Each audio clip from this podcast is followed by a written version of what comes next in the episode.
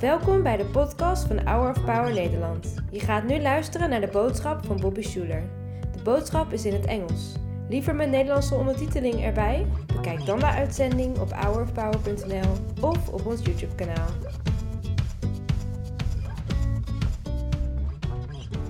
I think about uh, all the terrible things that are going on around the world. It's hard, isn't it? And there are these challenging seasons you go through and you think, is there any resolution to this thing? And the good news is that the further along we get in the story, uh, even if it seems like it's getting worse, just like when you read any novel, you can go to the last page. And I, I want to begin with the end in my message today. You know, the Bible is not a book. Everybody say, the Bible is not a book. It's a library. It's a library. And each book gives us a different part of the whole story.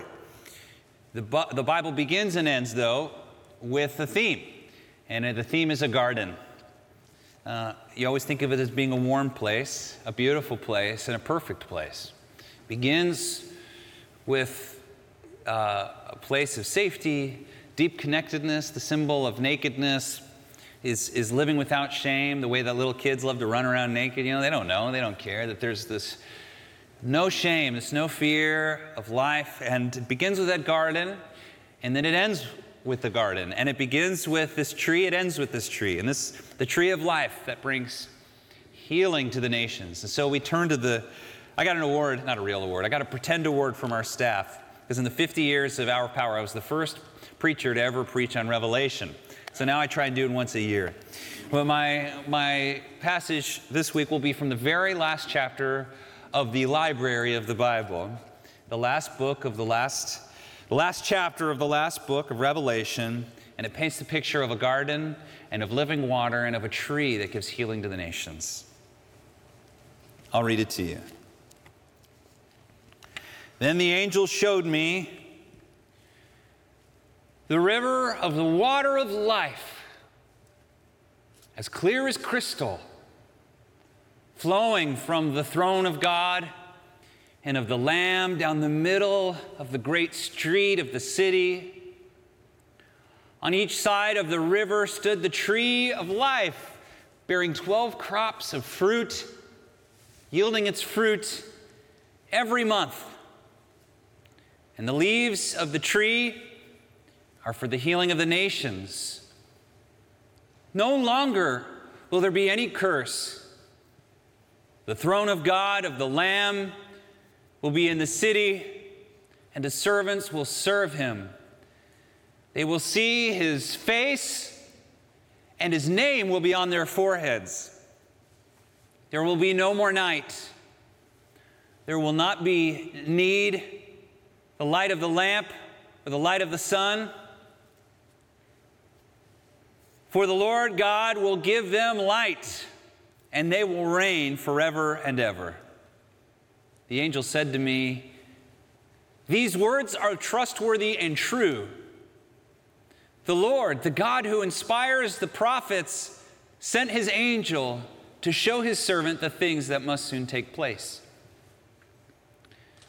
The Spirit and the bride say, Come. And let the one who hears say, Come. Let the one who is thirsty come.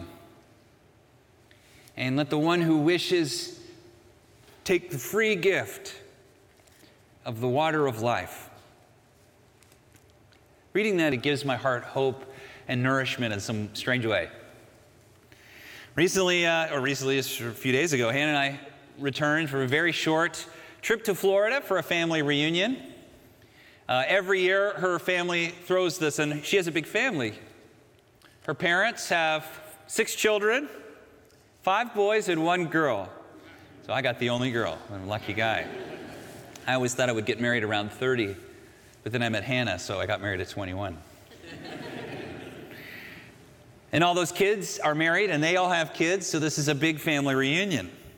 And when I met Hannah, her father wasn't wealthy, but since then he's become a pretty wealthy man, which is lucky for me, because that means I get a free vacation you know, every summer. So that's cool.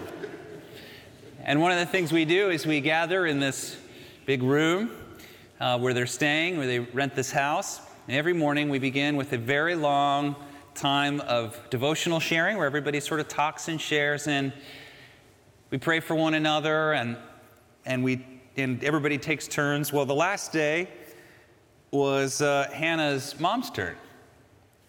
And she had this great revelation. First of all, picture it, you know. Uh, an, a couple in their 60s that served God a lot of their life, and they've been blessed financially, and they have their family all around them, and they all love the Lord. And all these kids, and cinnamon rolls, and coffee, and all the good stuff, you know. And uh, her mother, looking sort of at her posterity, you know, says, sort of this thing that she'd been waiting to share all week. She was kind of excited. And it's a great revelation. She said, In life, I've learned, you know, that sometimes as Christians we eat from the tree of the knowledge of good and evil, but other times we eat from the tree of life. And she told everybody that was there, Eat of the tree of life, eat of the Spirit of God. Let the Spirit of God nourish your heart and your soul. I knew instantly what she meant.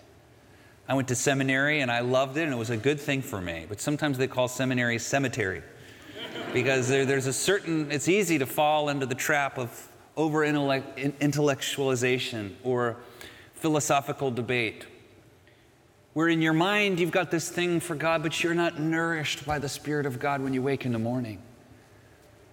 Where when you wake up, you look to the sky and you th- say, Thank you, Lord, for another breath and another day and for your Holy Spirit.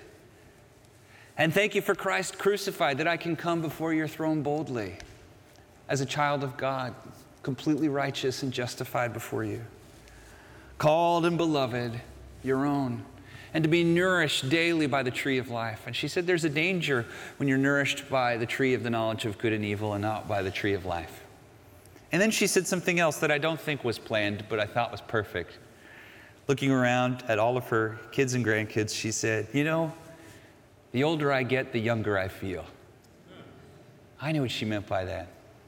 The older I get, the younger I feel. You know, in the world here in Orange County, there's so much wealth. When I go to the gym, I see Lamborghinis and Ferraris and Range Rovers, and there's nothing wrong with that. But everybody, most of the people in that gym don't say the older I get, the younger I feel. They say the older I get, the older I feel. And there's something that the world offers right now, but over time gives you diminished returns. But when you're in the kingdom of God and you know the Lord and He lives in your heart, your body may age like milk, but your spirit ages like wine.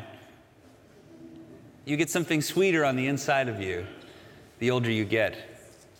And to be frank, you become more pleasant to be around. And you even have more to offer a hurting world that is only nourished by the tree of the knowledge of good and evil and not by the tree of life.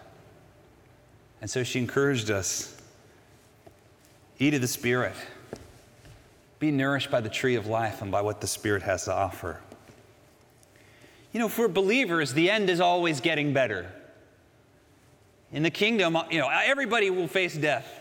Whether it's today or 100 years from now, we'll all face the same end. But for believers, that ending in some ways is, is sad, but it's also sweet.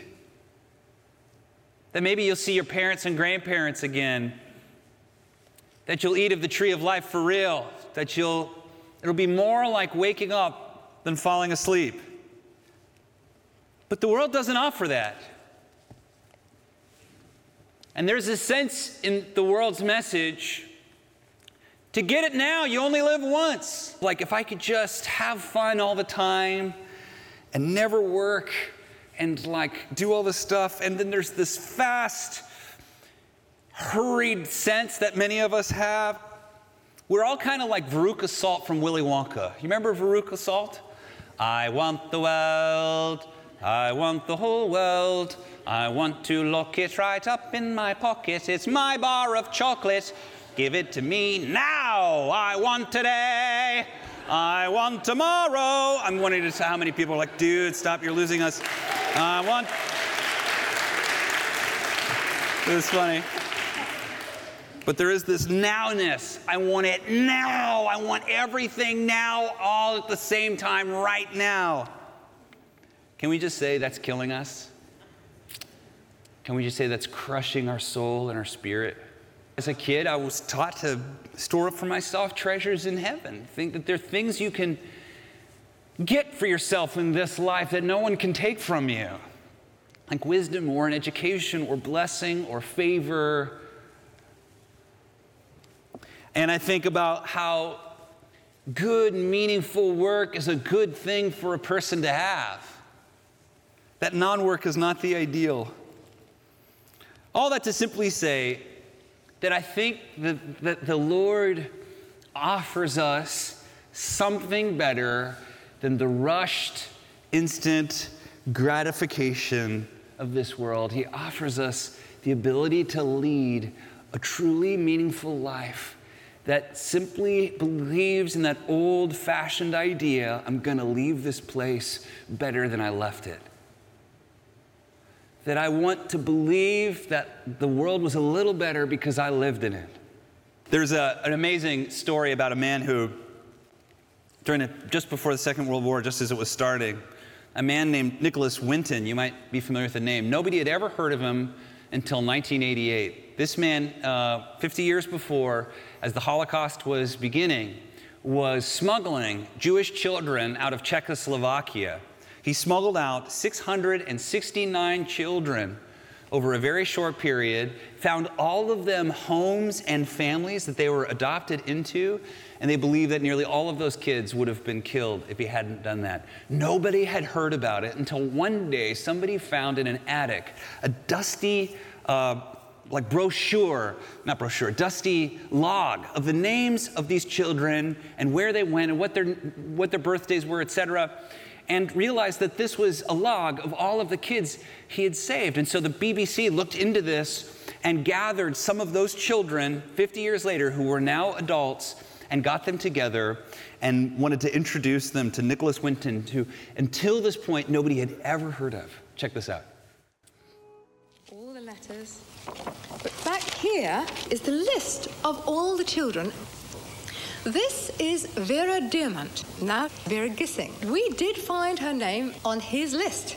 Vera Gissing is with us here tonight. Hello, Vera. And uh, I should tell you that you are actually sitting next to Nicholas Winton. Hello. and it was just so wonderful, so terribly, terribly touching.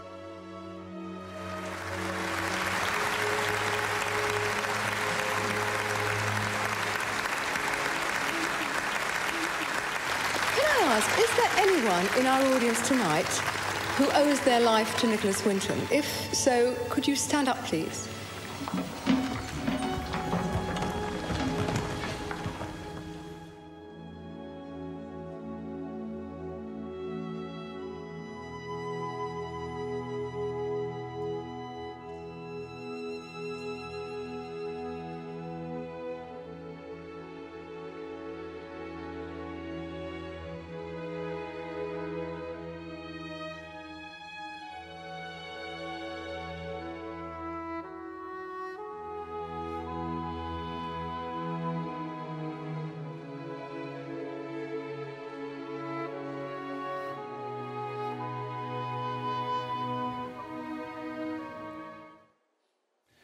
I love that story. You know, you know, the thing I love most about that story is obviously he saved a bunch of kids, but even more powerful is that he didn't tell anybody his whole life. He was going to go to the grave, and even the kids wouldn't have known who was that guy from England that saved me. To me, this is the epitome of a really good person. How many people today want to be good so that people will think of them as good? Rather than, I just love what is good and what is right. And I believe that this moment that was had here, I think that there will be things in life and people that you'll help, and nobody will ever say thank you to you for it, ever. You might have even forgotten. It's been so long since you helped that person. But I believe that when you get to the end, there's going to be a time when maybe you'll have a moment like that too, where someone will say, Thank you for that one day that you helped me. We never know. And so today's sermon, because I'm just beginning, is, just kidding, as I finish, as I rev up. Today's sermon is actually called Get Your Garden On, because I believe that in life, we're always, our life is a garden. Jesus just tells us this plainly that in life, we're always broadcasting seeds around us that in their season will bear fruit. You might have had a old crotchety aunt that back in the day when you did something wrong, she looked at you and said, You reap what you sow. I didn't have one of those, but I've been around judgmental people. Of course, this just means she doesn't like you. But, but what she means by that is, see, that's what you get for all your ill gotten, whatever. Okay.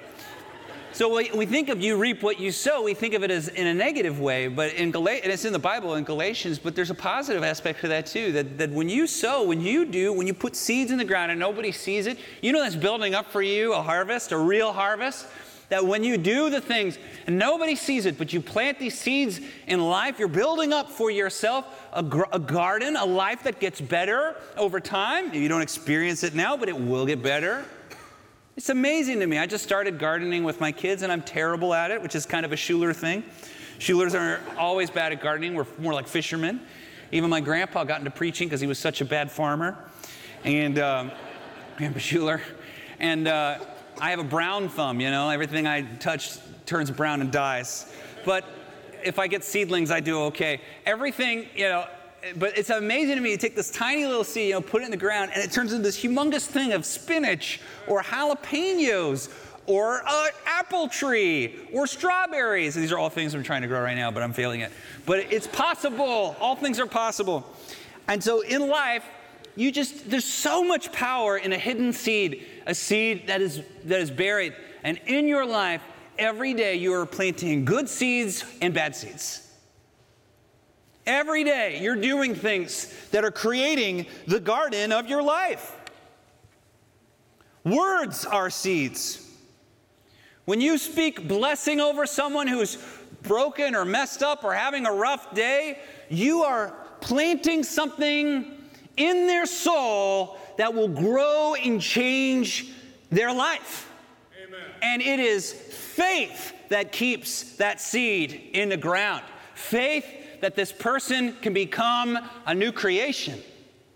And when you speak the word, or when you listen to a sermon, or when you study the scripture, or something that encourages you, you hold those words within you, and it is faith that keeps those seeds in the ground. And when you give money, even secretly, to someone in need or to something you care about, it is faith that keeps that seed in the ground.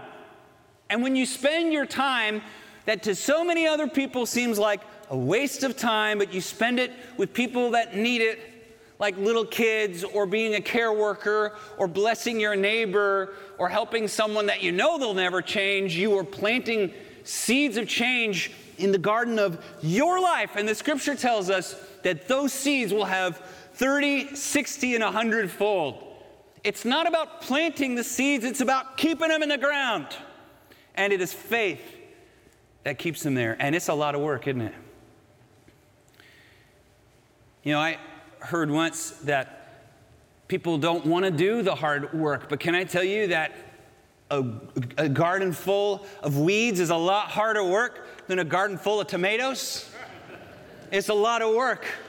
It's a lot of bugs. It's a lot of pollen and dust. It might be hard work planting good seed, but it's harder work tending to a garden full of weeds. And many of us are planting those seeds every day. We just carelessly spewing negative words, words of fear. We're deceiving people, and it's our fear that keeps those seeds in the ground. Sometimes we curse people with contempt, or we call some group of people, or some job, or some anything, we call them snakes, or cockroaches, or rats, or pigs, or goblins. Those are seeds you're planting in the garden of your life. And let me tell you, you do not want to reap that harvest. And it is fear that keeps it in the ground. And some of us have had maybe parents or, or a teacher that said things over you that in your head you know it's not true, but you hold on to those seeds. Seeds of contempt towards you, that you're worthless, that you're a sinner, that you're messed up, that you're a horrible person, and it is fear that keeps those seeds in the ground. You're none of those things. That's a lie. The enemy, he's, he just loves to lie to people. The, the, the kingdom of darkness is just built on deception, it's its foundation. The whole kingdom of darkness is just built on lies about you. And the unforgiveness and the resentment that we feel towards people, those are seeds in the ground, and fear keeps them there. And they'll keep growing unless you yank those things out of the ground. Yank them out of the ground every day. Tend to your garden. Your life is a garden. Your life is a garden. You choose every day what you're going to grow. Every day you choose. So choose today to build the kind of garden that will flourish, where time is on your side. And you'll be very, very grateful you did. Lord Jesus, we ask you to help us with this and to help us to tend to our garden with faith. We just come to you and we say, Show us how to live the rich, full kind of life that's made available when we love you with all our heart and all our soul and love our neighbor as ourselves. Help us this morning to know what it really means to drink of the water of life and to eat of the tree of life.